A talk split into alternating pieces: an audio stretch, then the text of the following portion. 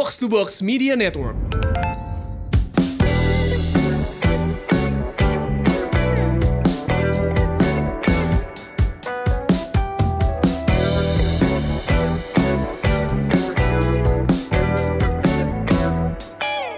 Halo Semurians, welcome back. Ini dia podcast Semur Sehat dan Makmur. Podcast yang akan ngajak kamu untuk hidup sehat jasmani dan makmur finansial bersama saya FX Mario dan juga ditemani oleh Hai, saya Ligwina Hananto. Hai Mar. Hai Win, apa Kita kabar? cuma berdua nih, kita ada Yes. teman kita nih hari ini.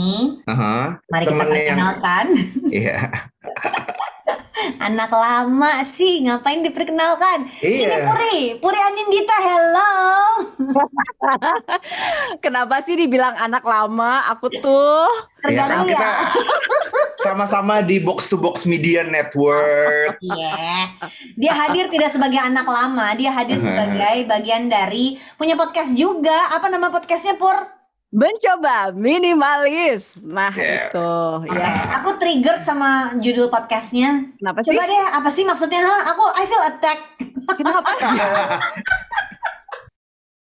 Mintu, kalau gue sih gini ya, uh, I hope you don't feel attacked gitu karena gini. pertama uh, ide mencoba itu karena kami semua sudah lelah ya dengan ekspektasi kita tuh masuk ke dunia ini teh harus sempurna gitu. Tapi Nggak aku ada- sempurna soalnya. ada. Nggak Ya, gitu cuman nggak Tewina. gitu mainnya. Cuman mainnya nggak gitu. Nggak, nggak, yang nggak, nggak. Emang ini serius. Sekarang serius. Itu heureuy.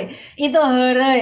Mari kita serius sekarang. Apa hara itu apa? Itu hara gue dulu nggak Hore. ngerti Gua. ada yang ada yang udah ini ini Ya, uh, roaming, roaming roaming, roaming. Eh, Mar, lu Ini kerja berapa tahun sih di kantor? bukan mencoba nyunda. Eh. Mencoba minimalis bukan mencoba nyunda. Ya, coba. Oke, jadi Semurian, kita tamunya namanya Puri Aninita dari podcast Mencoba Minimalis dan ini um, triggernya tuh bukan kemudian Avil Attack atau apa. Gue jadi pengen tahu loh. Mencoba minimalis tuh jadi kayak nggak yakin kan? Cuma nyobain kok. ya kan jadi kalau gagal juga ya Iya, udah iya, lah iya, gitu. iya, iya. Tapi ini menarik. Iya, Minimalism itu a new life, bukan new lifestyle. It's a lifestyle that's picking up. Kenapa lu memilih nama podcastnya Mencoba Minimalis, Pur? Ya, eh, biasanya juga gitu responnya. Kenapa kamu mencoba ya? Eh, jadi saya tuh antitesis Yoda gitu kan. There's no Ya, kamu kenapa try melulu gitu, Try harus on. do gitu. Tapi untuk menuju do, kamu teh harus try dong, Oh iya, gitu iya, iya. kan. Dan menurut gue kita tuh hidup di dunia yang pokoknya lu tuh sekali eh, ngerjain tuh harus udah sempurna gitu. Eh, kita kan terlalu banyak ruang untuk gibah dan eh, apa ya eh, mempermalukan orang karena dia nggak sesuai dengan ekspektasi kita gitu. Jadi Mhm. Tapi Itu gibah selalu- itu kan justru nggak di depannya, di belakangnya. Jadi nggak mempermalukan Nah, orang. Kalau nggak gitu ya nggak gitu salah lagi. Itu yang lebih bahaya gitu. Salah lagi itu yang berdosa sebenarnya ya. Astagfirullah gitu. Eh, Nah, te- tema tema minimalismenya itu maksudnya tuh yang dibahasnya minimalis atau memang ada gaya hidup minimalis yang dibahasnya? Hmm. Oh ya, ke, eh, ke semuanya. Tapi tagline kami adalah mengurangi yang nggak perlu lebih dari sekedar beberes. Tuh. Oh. Jadi cuma bukan cuma Marie beres Kondo. banget pur. Heeh. banget itu. jadi, i- jadi ini antitesis semua ya dari antitesis mencoba adalah saya bukan anak asuh Yoda gitu ya. Terus yang eh, minimalisnya juga bukan anak asuh Marie Kondo gitu. Oke, Eh, Soalnya oke. orang tuh kayaknya Iya, eh, iya. ketika ke dia situ. Iya, Hmm. dia dia ekspektasinya mau dengerin podcast atau ketemu sama gue tuh berharap semua juga harus sempurna antara lo eh, sempurna dalam segala hal atau dalam minimalisme juga harus harus dapur itu tuh bersih gitu ya, Jadi, panci jadi itu kayak senada. aliran jadinya gitu. Iya, gitu. Dan gue juga- gitu, maksud lu gitu kan? Benar, padahal gue juga menangkap bahwa dan gue setuju minimalisme ini juga sudah menjadi gaya hidup apalagi di kota urban gitu kan. Hmm. yang ternyata bisa jadi lingkaran setan tersendiri gitu. Yang disuka ternyata eh, estetiknya minimalisme gitu. Tapi Budgetnya maksimal. budgetnya tuh maksimal gitu. Mau dari eh, desain rumah, mau panci yang Ya seragam sebagai orang yang gitu kan. apa-apa refleks langsung ngitung itu orang kira-kira penghasilannya berapa ya? Iya, iya, iya. iya. Gue ngeri tahu ngobrol sama Wina tuh suka gitu soalnya profiling. Iya ngeri tahu Kan? jadi profiling gue gue kalau belakangan tuh lagi sering banget lihat reels kan di Instagram dan yang Ah. paling sering itu reels tanaman atau reels rumah-rumahan biasa kalau zaman dulu kan rumah-rumahan tuh nggak terlalu muncul ya nah di reels tuh banyak banget dan Ya, bener-bener kayak di majalah um, Hmm. interior design yang yang kayak ada designer setnya gitu tau gak sih? Hmm. Sadis bagus-bagus banget. Orang Indonesia yang bikin. Dan Mhm. itu kepala gue tuh langsung, ini budgetnya berapa? Karena gue tinggal di rumah ini aja yang tem gue tempatin udah 10 tahun itu gak selesai-selesai renovnya. Kok mereka bisa sih langsung in one go rumahnya perfect gitu? Maksud lo gitu kan, Pur? Jadi Iya, just iya, iya. let it iya. let it go, let it flow, nggak perlu Iya. semuanya itu picturesque gitu kan maksud lo? Iya, iya, iya, iya, iya. Yang sering kali bahkan udah nggak pakai ekspektasi orang lain ya. Sering kali kan itu jadi kita keras ke diri sendiri gitu. Jadi Kayak ini semua tuh harus oke gitu. Kenapa? Kenapa Mari? bi- bikin lo lebih jujur sama diri sendiri gitu maksudnya. Yes, yes. Mari kita rayakan kegesrekan dan ketidaksempurnaan gitu. Yes, yes, yes. Oke, oke, oke, oke. Oh ya udah kalau gitu eh, set pertanyaan gue salah semua karena gue pikir kita mau ngomongin Marie Kondo. Tuh, Tapi kan nggak apa-apa, kita selalu bisa eh, bergibah dari sisi Marie Kondonya itu sendiri dan me- mentertawakan eh, hidup minimalis yang sempurna gitu Ya, sebenarnya. ya, ya, ya, ya, ya, ya, ya. Eh, Eh, tapi si si pandemi ini menggeser gue juga lebih dekat ke minimalism sih. Sebelumnya eh, misalnya gue gue pernah ngobrol ini sama Raditya Dika ya. Dia percaya sama minimalism yang sampai Ya. ke kayak gini. eh, punya gitar beberapa dijual aja deh. Satu aja yang disimpan, yang lain jual aja. Lama-lama Ya, si gitar yang satu-satunya itu cuma duduk di pojokan. Yaudah deh, gue foto aja karena gitar itu dekat sama hati gue, tapi bisa gue jual juga. Loh, loh, loh, loh. Juga gitar itu? Iya, dia bilang gitu. Hmm, Terus gue hmm. yang, hah? Gimana sih? Itu kan memento. Memento itu kan buat diingat aja Mbak Wina. Dia bilang gitu. Terus gue yang, I cannot deal with that gitu ya. Karena Ya, gue ya. cenderung, gue mulai di situ menyadari gue cenderung hoarding nih kayaknya ya. nah, selama pandemi yang gue rasain, Pur, hmm. makin kelihatan barang-barang yang nggak gue perlukan. Lo merasa ada kayak gitu nggak selama pandemi? Ini udah satu setengah tahun, terutama Oh, baju iya. ya. Oh, Ngeri iya. banget gitu nih. Oh, eh, iya. Ada baju yang gue taruh di luar lemari, gue gantung. Terus gue bisa seminggu nggak buka lemari karena yang di luar itu udah cukup gitu. Hmm, paham Hmm. gue. Iya, iya. Jadi berapa persen dari isi lemari lo yang sebe- eh, sebenarnya selama pandemi ini nggak terlalu sering dipakai? Berapa persen? Eh, 89 Nah, lo mau gue kasih Gue- data nggak? Lo mau gue kasih data nggak? Ya, walaupun datanya Apa-apa, ini Amerika apa, nih. Jadi tahun 1930 eh, perempuan secara rata-rata hanya punya 36 eh, elemen pakaian gitu ya. Hmm. Sekarang average consumer itu 120 eh, item of clothing gitu. Dan 80 persennya nggak dipakai. Maksudnya nggak jadi keseharian dipakai gitu. Jadi sebenarnya angka Wina itu tadi itu representasi benar-benarnya apa yang kita rasakan sekarang ini. Dan benar karena kita kan maksudnya apa sih baju kece-kecean hanya untuk Zoom webinar doang gitu kan ya. Eh cuman berapa? 20 Win, sampai Wina, 30 Wina gue yakin udah, udah mau ngomong tapi kan, ayo Win, coba keluarin Tapi kan, tapi kan ya Win. Nah. Gue nggak akan membiarkan diri gue dilibas sendirian. Mario, lu gimana? Tadi gue bilang baju yang ada di lemari gue tuh mungkin 89% tidak gue gunakan lagi. Itu tuh Ya. udah gue keluarin sebagian. Jadi yang Ya. 80% sekarang tidak dipakai itu bikin gue galau karena sebetulnya kayak tiga bulan yang lalu gue udah kayak mendonasikan mungkin dua koper baju yang udah keluar dari lemari. Ya. Eh berapa lo, masih ada the way? 89 yang gak gue pakai dan mau Ya, dikasihin ya, ya. masih sayang. Itu kan gue. Mario Hmm. gimana? Mario kan nggak keluar rumah juga. Mario kerjanya baking. Selama Aha. gymnya tutup, bajunya Ngajak itu di lagi. rumah. Iya. Berapa banyak baju atau sepatu yang akhirnya nggak kepake? Hmm, gue suka tuh yang ditanya elemen yang lain bukan baju ada sepatu, baju olahraga dan sebagainya ya kan? Ya, ya coba gue, dijawab. Sejak kan gue apa? Gue ngajar eh, olahraga itu eh, sejak gue keluar dari QM lah itu udah berapa? Udah lima enam tahun yang lalu gitu kan. Eh, eh, gue merasa gue tidak perlu lagi punya baju kantoran. Jadi ada satu momen di mana gue pernah decluttering semua baju kantoran gue udah baik. gue cuma nyisain 2-3 potong batik, eh, berapa dua tiga potong kemeja tangan panjang, satu jas, satu kemeja putih, ya sih itu udah udah udah pasti wajib ada gitu kan. Eh, sama satu sepatu pesta, sama sisanya sepatu gue sebanyakan sekarang semua sneakers. Eh, Berapa maksud banyak gue, sneakers yang kau miliki? Nah, itu dia. itu dia baru. gue ya gue ya ini ya Uh. untuk urusan sepatu ya I don't where my shoes are jadi gue Uh-huh. ingat gue tuh punya ada sepasang sepatu yang dulu gue suka pakai pergi ke kantor gue Uh-huh. lupa gue taruh di mana kayak udah setahun gue nggak lihat sepatu itu ada di mana Uh-huh. karena gue keluar rumah itu sekarang pakai sendal jepit Hmm. ke mana pun gue pergi gue pakai sendal jepit atau sepatu olahraga that's it Iya. jadi, jadi bener-bener yang tiba-tiba gue nggak pakai lagi tuh si kitten heels kuning si Hmm. eh, yang haknya agak tebal itu kesukaan gue Mhm. sampai gue nggak tahu ada di mana pur saking pandemi ini bikin gue nggak keluar rumah parah Iya, banget iya, iya. Katanya ada rule of thumb katanya kalau baju atau sepatu yang lu udah nggak pakai tiga minggu atau sebulan katanya most likely lu nggak akan pernah pakai sebenarnya. Uh, Jadi- uh, harus ya. tiga minggu gue pakainya setahun loh patokannya Eh makanya It's e- kalau udah setahun it's either it's either lu uh, berat badan udah beda jadi udah nggak muat gitu kan Hmm. kegemukan kalau atau berat badan gue langsung jadi sensitif. Tambah-tambah. Atau atau model modelnya udah udah nggak masuk Win. Udah. Udah nggak zaman bajunya Iya.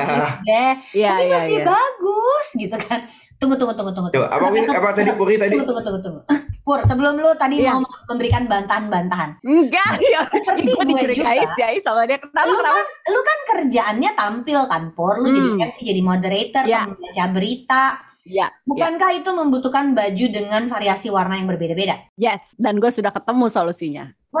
dia punya jawabannya semua Mar gawat itu maksud kita kali ini kalau undang narsum nih Pertama, sebenarnya gue mau menanggapi yang Mario bilang kalau udah tiga minggu dan sebulan tuh sebenarnya lo harus evaluasi lagi. Itu versi ekstrim ya, maksudnya kalau lo sangat mau meticulous dengan hidup lo, iya gitu. Tapi kalau kalau mau versi yang eh, ekstrim kanannya adalah lo kasih enam bulan. Termasuk Oke. termasuk kalau udah nggak muat. Kalau Hmm. udah nggak muat, antara itu kegedean atau kekecilan, emang harus direlakan aja. jangan mikir kayaknya gue bisa deh nih nanti berat gue segini lagi gitu ya, kan kebanyakan ya, begitu ya, kan Ya, itu Aku jebakan bisa Batman. halusinasi. Kan kita yang pakai bajunya ya bukan bajunya pakai kita gitu. Jadi ya udah. Rasanya kayak lagi terapi psikologi nah balik lagi gue tahu Ya. gitu maksudnya ada profesi yang harus nampil dan uh, uh, punya apa ya punya uh, spirit yang mirip kayak orang ke kondangan gitu harus ganti-ganti nggak boleh foto kondangan pakai baju itu mulu gitu kan spirit adalah sewa tuh Ah. wow. Iya, jadi eh gue nggak tahu ya gimana kebijakan semur. Eh, tapi ada sebuah brand eh sebut inisialnya aja siapa tahu nanti mereka mau ke sini Iya, gue Kita- juga mau Iya. karena gue tuh gampangan ini. anaknya kak sebut aja Ya, sebut gue juga gampangan. Style theory. Jadi eh, oh ya I've heard about them Ya, ya. Dan pertama gue agak sanksi eh, karena pakai ini ya pemahaman usang. Kenapa ya? Gue bayar X eh, rupiah per bulan, tapi tuh tapi tuh baju nggak milik gue gitu. Awalnya gitu, gitu kan. oh ini sewanya sewa bulanan lo member di situ bulanan. membership Jadi eh, dia ada ada tier membershipnya. Ada yang Mhm. misalnya eh, harga yang paling murah lo hanya tiga item per bulan. Kalau yang unlimited itu eh, ya udah terserah. Tapi sekali lo minta kirim itu lo hanya bisa dikirim tiga. Nah, Oke. tapi semakin eh, apa ya eh, X-nya itu semakin besar, biasanya kolam sewanya juga lebih bervariasi bajunya. Yang gue apresiasi dari situ selain adalah ya kolam bajunya banyak banget dan eh, gue nggak usah mikir ya, eh, adalah itu dijemput, diantar dan gak usah nyuci. oh. I like banget gak lo? karena gue udah membayangkan aduh gue mesti pergi ke laundrynya ribet banget Nah, itu. Dan jadi itu bahkan lo bisa misalnya lo minta diantar ke mana gitu bisa ganti-ganti tempat. Jadi sih gue happy Oh. banget ya. jadi misalnya tertarik ada ada lo Anaknya sam- gampangan ya anaknya gampangan. Saya pun gampangan. jadi solusi lu untuk eh, misalnya lu mesti pakai brand A nggak boleh pakai baju warna ini pakai Yes. war- eh, harus pakai baju warna ini jadi lu Yes. usah nyiapin baju-baju warna itu lu sewa Gue sewa. Dan oke itu cowok bisa nggak Nah, satu-satunya uh, feedback yang pengen gue kasih kepada style theory adalah kenapa yang laki tidak ada? oh Kenapa Oh, sih. Anda seksis banget gitu? Padahal- padahal memang marketnya masih marketnya belum siap gitu sih Iya. kan nggak menurut gue laki juga butuh jas ganteng. Iya, gitu iya, iya, iya. Kan. perempuan uh, apalah belt, celana dan sebagainya gitu. Jadi menurut gue tetap tetap perlu tapi uh, mungkin yang perempuan rotasi bajunya jadi lebih banyak ya uh, yeah, yeah, untuk yeah. keperluan itu gitu. Dan dampak finansialnya bagaimana ya. Kakak Puri? Dampak finansialnya. Semoga gue nggak dibilang sebagai orang yang flexing ya, tapi karena kita lagi gue ngomong sama Wina tuh harus pakai angka, gue tahu banget. Jadi kalau gue bilang cukup sederhana nilai ya biasa rata-rata nggak masuk ya ngomong finance bukan sastra ya, gue kan ya, gitu. gitu ya. finance itu angka. Jadi gue mengeluarkan eh, delapan ratus ribu per bulan untuk unlimited uh, pengiriman dan akses ke koleksi yang uh, macam-macam di hmm. di situ gitu. Hmm. Dengan catatan pekerjaan lu memang membutuhkan itu gitu kan? Memang, memang gitu. Tapi kan terus gini, gue juga ya biasa lah orang kayak ah sayang banget lo 800 ribu lo nggak mau nyari sendiri aja gitu kan hmm. dan menjadi hak milik gue udah hmm. pernah coba apa yang terjadi yang ada adalah gue uh, spend lebih banyak dari 800 ribu untuk sebuah event uh, yang gue capek ya waktu itu belum pandemi gue capek nyari-nyari ongkos waktu uh, dan menuh-menuhin lemari dan baju itu hmm. nggak hmm. akan gue pakai lagi ya susah dong maksudnya ketika lo tahu ini baju untuk klien hmm. bukan baju yang untuk lo pakai hari-hari gitu ya ya bukan baju ya. yang lo suka yang lo beli karena suka ya, gitu iya, kan iya kan uh-huh. jadi kayak iya oh berarti ini nih ongkos ongkos tanda kutip yang gue bayar karena ya udah abis gue pakai selesai klien happy gue balikin lagi. Gue nggak usah numpuk-numpuk dan cari-cari tempat lagi di rumah gue yang adalah luasnya hanya lo lagi lo lagi kan. Gitu.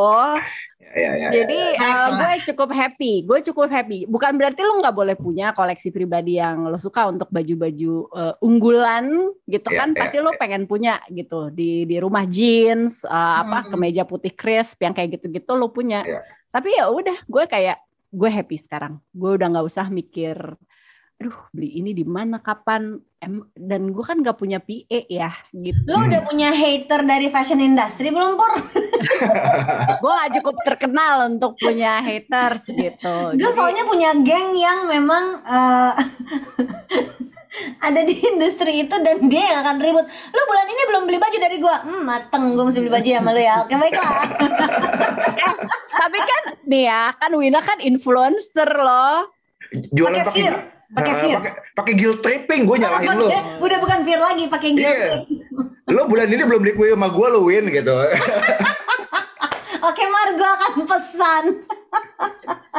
tapi tapi ini menarik banget Pur, karena um, yang gue rasakan waktu pandemi dan tahu-tahu ya. nggak perlu mikirin pakai sepatu apa, hmm. itu yang menggerakkan gue untuk mulai meng mencoba mengerti kan belum fully understand ya, ya mencoba tapi jadi dulu. mencoba mengerti karena oh maksudnya ini yang diomongin Raditya Dika berapa tahun yang lalu yang yes. gue apain sih lo gitu reaksi reaksi awal gue tuh kayak gitu dan dia selalu ngetawain gue jadi yeah. begitu eh yeah. gue sekarang uh, udah nggak beli baju lo selama tiga bulan terakhir dia ngetawain gue puas banget gitu karena akhirnya akhirnya lo ngerti gitu yeah. so the yeah, way yeah. we live will yeah. dictates where our money go gitu kan yes yes and can can can I can I challenge this oke okay. I karena kan gue tahu Wina tuh uh, meng sangat mengerti dan dinamika uh, generasi umuran 18 sampai 34 punya rumah di eh, Jakarta deh gue bilang ya, sampel Jakarta gitu. Jadi Uh, pola pikir bahwa jangan sampai duit lo ke mana-mana habis untuk experience gitu lo nggak punya sesuatu yang substansial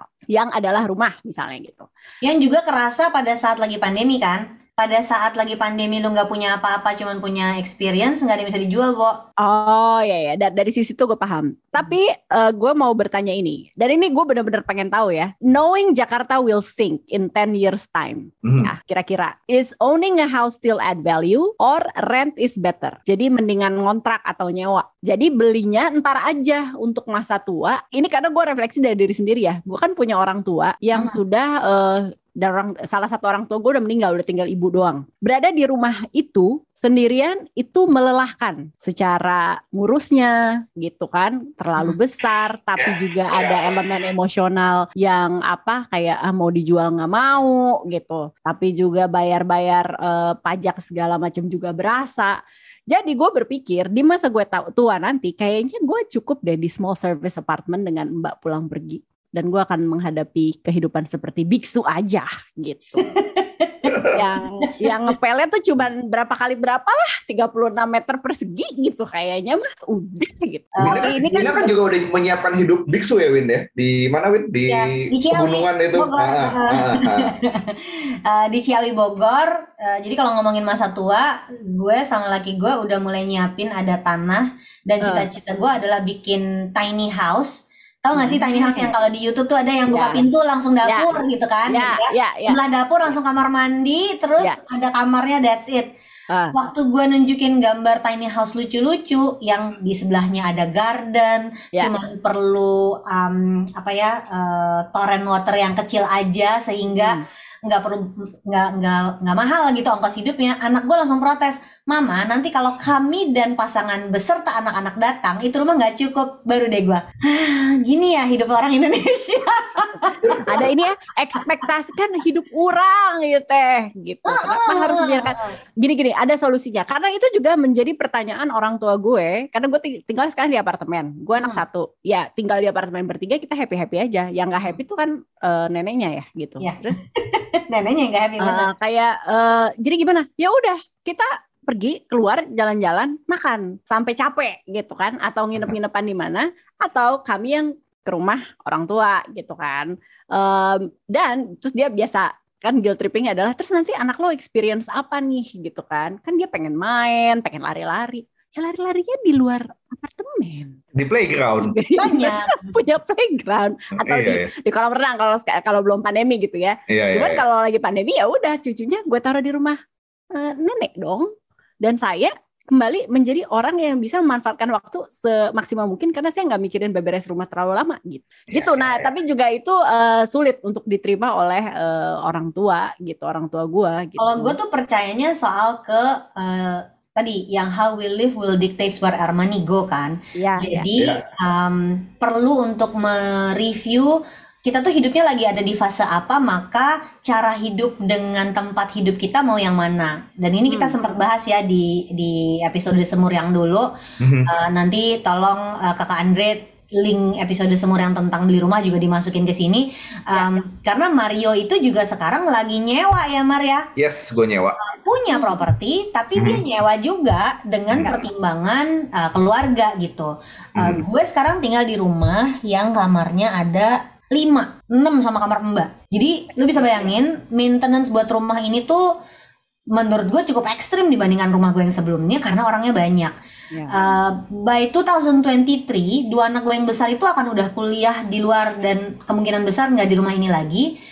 Menuju 2023 tuh laki gue udah bunyi terus. Nanti kita tinggal bertiga loh. Nanti kita tinggal sama si Ade loh. Nanti ini rumah kegedean loh. Udah mulai kayak gitu, Pur. Jadi I'm Oh, not yang gelisah dia ya. Ah, lo santai tapi. Gue lagi seneng-seneng yang ngerenov gitu. Masa baru Oh, selesai renov harus pindah gitu ya? Kalau buat gue I'm nesting in this house gitu. Tapi jadi um, isunya kalau buat gue tinggal di mana itu apakah ngontrak atau beli kita kembalikan pada orang yang sedang mengalami hidupnya kan? Yes. cuman dari sisi finansial Ya. uh, ada neraca keuangan yang ada daftar harta sama daftar utang Oke, Nah, I'm listening. Oke. banyak sekali orang akhirnya kekayaan bersihnya itu enggak berkembang karena enggak kedongkrak punya properti. So I'm not saying it's the only thing to do, Mhm. tapi kepemilikan properti itu mendongkrak daftar harta kita. Sehingga pencapaian seseorang itu akan langsung terlihat di neraca keuangannya saat dia udah ada properti walaupun masih dicicil KPR. Jadi bisa aja kalau memang akhirnya memutuskan gue mau ngontrak nih kayak Mario tapi dia ada properti yang dia simpan juga itu di daftar asetnya tuh langsung kelihatan. Tapi gue belum apa ya, I'm not sold on the idea tidak punya properti sama sekali kan mulai ada nih orang-orang yang gue kayaknya Ya, ya, seumur ya, hidup ya. mau ngontrak aja Ya, bahkan ya, kalau ya, perlu ya. kos-kosan yang yang kos-kosan yang uh, mahal itu kan ada nih kos-kosan yang ya 5 juta, 8 juta sebulan tapi isinya bagus banget. Jadi buat dia lifestyle yang dia rasakan tuh enak banget. I'm not entirely sold on the idea karena buat gua kan harus angka. Show me your um, net worth. Apakah net worth lu berkembang saat lu hidup di lifestyle tersebut? Karena isu terbesar yang sekarang semua orang harus sadari adalah kita bisa pensiun gak sih? Hmm. Nah, itu berarti kayaknya gue menemukan benang merah sih. Eh, Hmm. tadi waktu lo ngomong neraca dan apa mendongkrak apa ya kredibilitas kredibilitas keuangan unit gitu kan, unit keluarga nih maksudnya terkecil gitu, suami istri atau bahkan sendiri dengan punya rumah, sebenarnya itu nggak harus rumah kan? Bisa aja dia sudah sangat melek investasi dan dia berpikir si dana pensiun dan dia memikirkan nanti mau pensiun di mana, walaupun dia belum bisa jawab sekarang. True, Hmm. true. Ya kan? Jadi bisa Bener aja. kan? Berarti bukan Tapi berarti kan? challenge-nya bu- bukan. Ya. Jadi challenge-nya adalah sedisiplin apa sampai dia bisa punya aset yang cukup besar eh, hasil investasi. Yes. Sebenarnya Nah. itu yang jadi Ya, isunya. ya, ya, bukan ya, ya. bukan soal punya rumahnya. Jadi ketika orang gue mau lifestyle yang si nomaden tadi, gue langsung nanya, lu udah punya aset berapa? Karena konsekuensinya yang kita nggak bisa lari dari situ pur. Konsekuensi dari lifestyle nomad tadi, lu harus duduk di atas eh, aset eh, value yang besar supaya bisa support hidup lu untuk jangka panjang. Dan aset besar itu tidak selalu properti. Aset besar itu kan bisa bisnis, properti atau surat berharga. Nah, a lot of Yes, people are now going into uh, paper sampai ke kripto segala. Jangan lupa kalau itu minus banyak gitu loh. Jadi kan ini yang Ya. membuat gue Ntar dulu, ntar dulu, ntar dulu. If you give me the idea untuk tidak pernah beli properti seumur-umur, komitmen menyisihkannya jalan apa enggak? Karena Hmm. orang yang punya properti dengan mencicil KPR, itu dia dipaksa komit kan untuk bayar terus cicilan KPR sehingga propertinya terbayar. Yes. Sebenarnya jadi isunya ada di situ gitu. Ini jadi serius keuangan kita. Iya apa-apa. Karena, karena, karena gue penasaran gitu.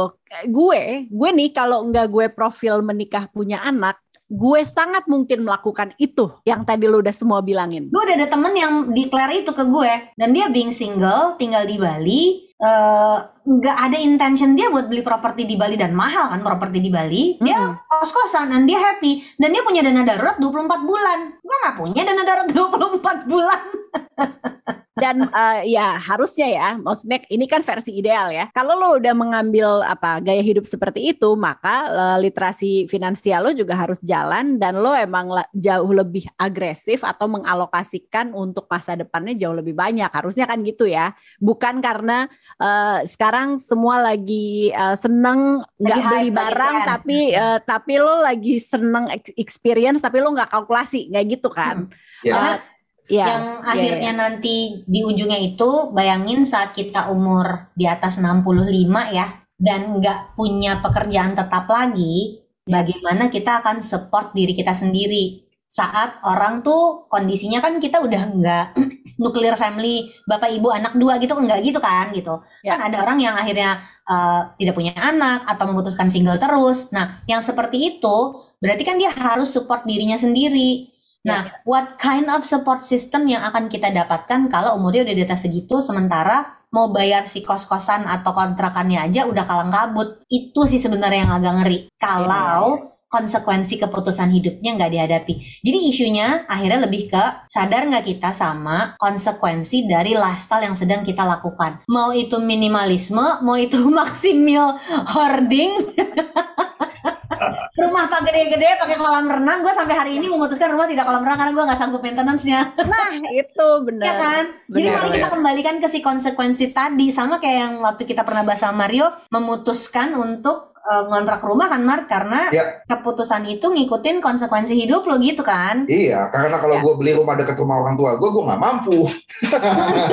Jadi gue ngontrak yang dekat rumah orang tua gue. ya, Dan lo ya. lagi mikir nggak perlu juga kayaknya ya punya rumah lagi gitu kayaknya. Gue eh, masih gini, ada gua keinginan udah udah menyiapkan apartemen, tapi maksud gue gue nggak tahu lah. eh, Lima 10 tahun lagi eh, hidup akan bagaimana? Gini, gue gue masih terus berinvestasi, gue masih terus mengumpulkan aset, gue masih terus eh, pegang properti gue. Kalau nanti 5-10 tahun lagi eh, mungkin eh, keadaan udah berubah dan gue tidak harus kontrak atau beli rumah atau gue nanti terus-terusan kontrak lalu berujung di panti jompo ya udah gitu. Eh, let's see how it goes. Yang penting siapin uangnya dulu kalau buat gue.